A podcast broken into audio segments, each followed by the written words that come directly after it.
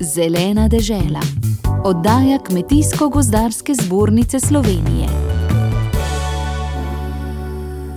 Spoštovane poslušalke in poslušalci, lepo pozdravljeni v oddaji Zelena dežela. Naš današnji gost je novi predsednik Kmetijsko-gozdarske zbornice Slovenije, gospod Roman Žveglič. Gospod Roman, lepo pozdravljeni. Lepo zdrav tudi vam in poslušalcem Radia Ognišče.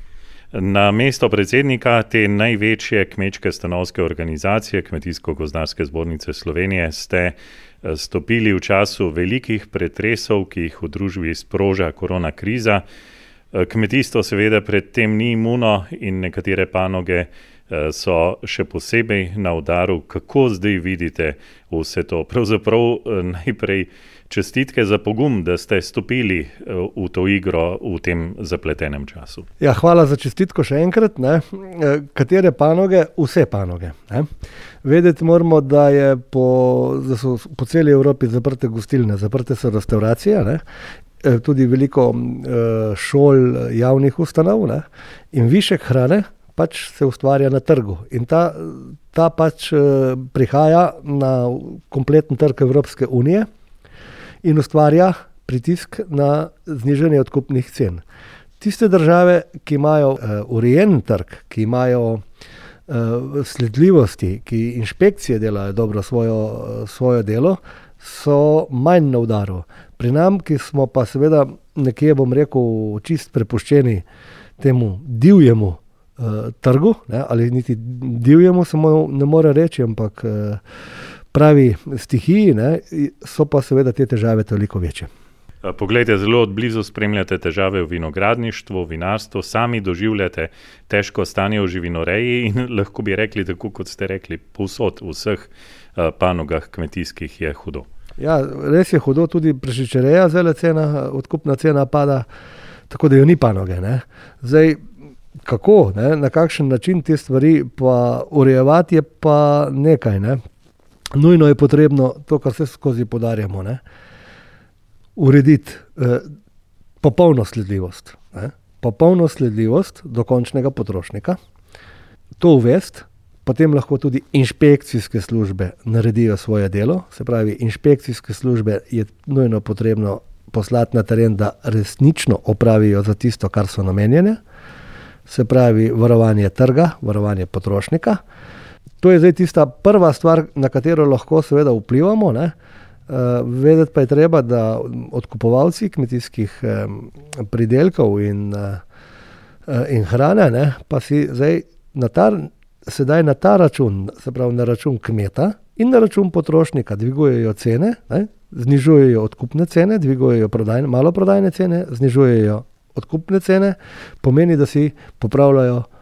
Svoje bilance na račun šipkejših v, v družbi, to pa, se, to pa seveda potrošnik in kmet. Smeri rešitve torej v sledljivosti, oziroma če piše, da je nekaj slovensko, da bo res slovensko. Ja, točno, točno tako in nič drugače. Ukolikor eh, vlada sama ne bo to naredila, mi se zdaj že ustanavljamo skupino, ki bo to stvar pripravila in bomo pač šli na vlado in pokazali, kako je to potrebno urediti, brez velikih stroškov. Uh, samo uh, voljo je treba imeti, pa pogum. Gre pa pravzaprav za zaščito potrošnika, da če bo kupil nekaj, kar bo pisalo, da je slovensko, da bo to tudi res slovensko. Ja, sej, prvič gre za to, da, zašči, da se zaščiti potrošnik, drugič gre za to, da se ve, kaj od koga je, da ni to kar neki, ne, pa je zopet slovensko, ne, v raznih teh, da ne bom rekel, predelanih eh, zadevah. Ne. Eh, ne na zadnje pa seveda eh, se dviguje potem uh, za to kakovostjo, ki jo slovenski kmetje znamo predelati in jo pridelujemo, dviguje tudi se pravi ugled slovenskega kmetijstva. Temelj slovenskega kmetijstva, pravijo uh, agrarni strokovnjaki, je družinska kmetija. In ena od zadev, ki ste jo obljubili zdaj pred volitvami, je tudi ureditev statusa družinskih kmetij. Nekako se je na tem področju uh, zdi malce zaspalo, uh, ni več uh, družinska kmetija bila v prvem planu. Ne, ni, ne. čeprav bom rekel statusno. Ne. Čeprav najboljše slovenske kmetije so družinske kmetije, kjer dela več generacij uh, ljudi.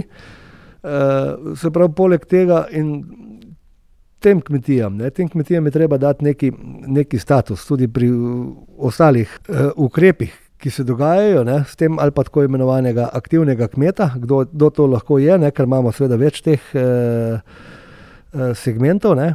Res pa je, da ne smemo pozabljati pa tudi ne, na tiste uh, manjše kmetije, ki so tehnološko zaostale. Uh, delajo, se pravi, to zemljo, poleg še neke druge dejavnosti, so v težkih, omejenih pogoj, uh, pogojih, obdelujejo to zemljo in težko bodo te kmetije uh, bile konkurenčne na trgu. Ne?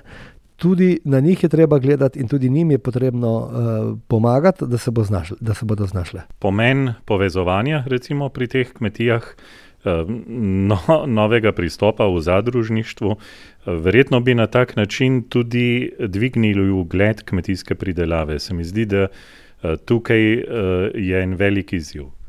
Ja, povezovanje je rak rana slovenskega kmetijstva. Zgodovinsko eh, in potem, seveda, s to, bom rekel, individualnostjo, vsak gleda predvsem na sebe in na svojo kmetijo, ni pripravljen pogledati malo čez plot svoje kmetije. Tukaj bo problem. Ne? Aktivnosti Kmetijsko-gozarske zbornice bodo šle v to smer, da bomo poskusili povezati, najti skupne točke tistega, kar je lahko, se pravi, z zadružno zvezo, z nevladnimi organizacijami, ne na zadnje pa tudi z organizacijami, ki niso v samem kmetijstvu, turistična zbornica, gospodarska zbornica, kajti kmetijstvo je, je multiplikativno, ne? kos kruha, ne? gre od nive do od kmeta, do mlinarja, do peka potem pa tudi seveda v restauracije, šole, eh, v, eh, na turističnih kmetijah in tako naprej. Ne. Se pravi, mi moramo narediti ta krok. Iz, eh, ta krok hrane mora biti seveda čim krajši in seveda s tem bo tudi manj stroškov in tudi več bomo vsi v verigi lahko imeli. Ne. Res pa je, da to ne bo šlo na to, da se bi stiskalo uh, za vrat eh, najšipkejši člen, ki pa vsekakor smo kmetje. Ne? In z tem povezovanjem, s tem nekim skupnim njimi cilji, zdaj kako, na kakšen način bo treba seveda še vse to doreči, bo kmet postal ne več najšipkejši člen, ne? ali pa v tem trenutku tudi, če še bo najšipkejši člen, bo pa bolje klen. Imamo uh, zelo dobre zgodbe iz nam bližnje soseščine, kako se to da narediti in kako tudi zdaj v tem času pandemije uh, te zgodbe nekako prosperirajo. Ja, sveda v soseščini so stvari organizirane malo daljše, malo večja zavestje. Ne? Če gledamo Avstrijo, je to predvsem to, da je pač njihovo avstrijsko na prvem mestu. Mi smo seveda izhajali, izhajamo iz enega drugega sistema, ker je bilo vse, kar je bilo tuje, boljše. Ne? In nimamo, nimamo te, te narodne, te, te zavesti tega v, v sebi, da je treba gledati tudi na soseda, da je treba pogledati tudi na panogo, ki se, ki se znotraj eh, države ustvarja. Zdaj, eno je seveda samo pogledati, ne, drugo stvar je pa seveda te stvari udejanjiti. To, so, to, so, to bo mokotrpno delo na dolgi rok. Ne. Uh, pa včasih bo potrebno, seveda, pogledati na stvar tudi izven dvorišča in interesa lastne kmetije.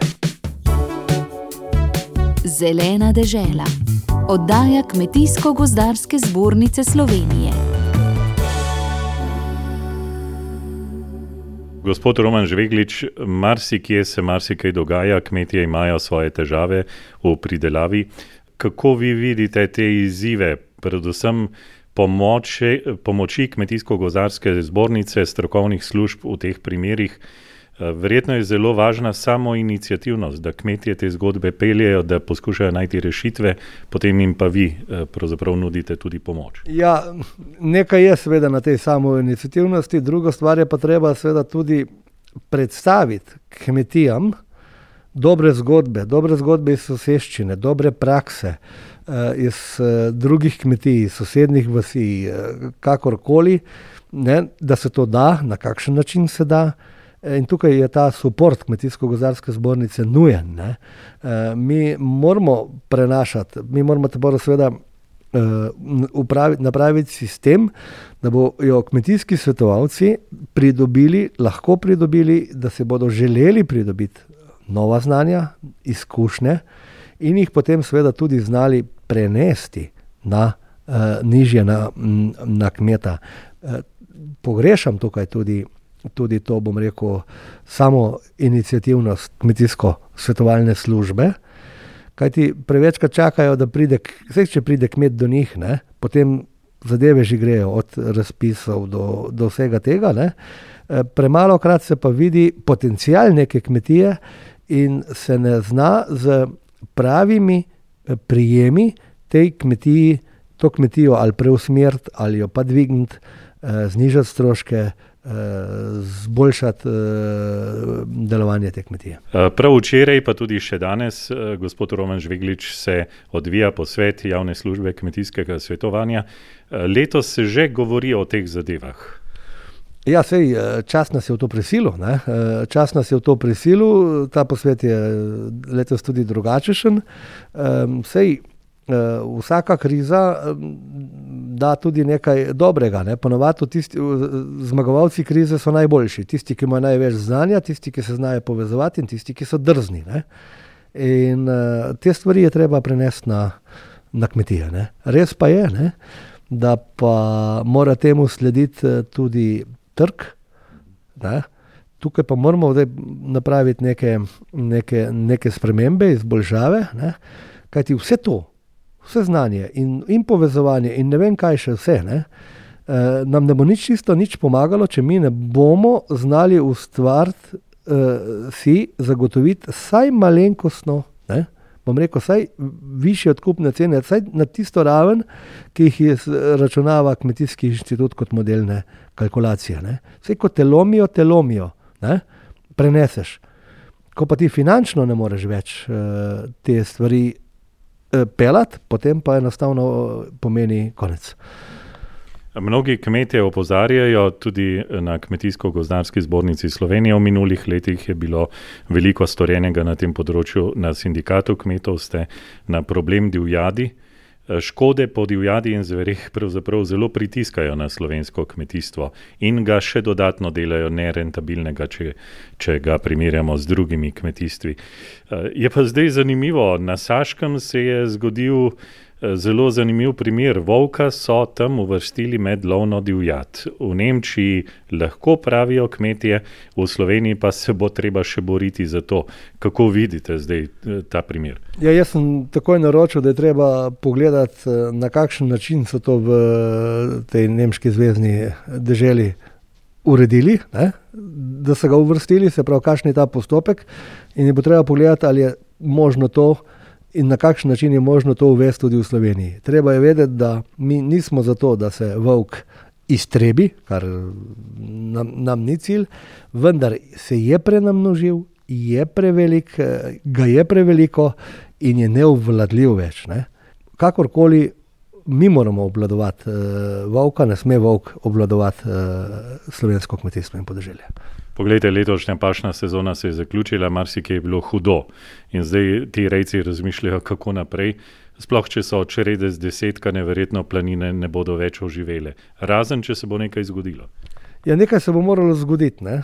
Jaz, mi bomo delali na tem zelo proaktivno, uh, zelo tudi, če bo potrebno, ostro. Ne? Mi moramo zaščititi uh, prebivalce podeželja. Eh, kmete in njihovo premoženje. Premoženje njihovo je, mora biti na prvem mestu, ne, ne more biti uh, vse ostalo. Ne.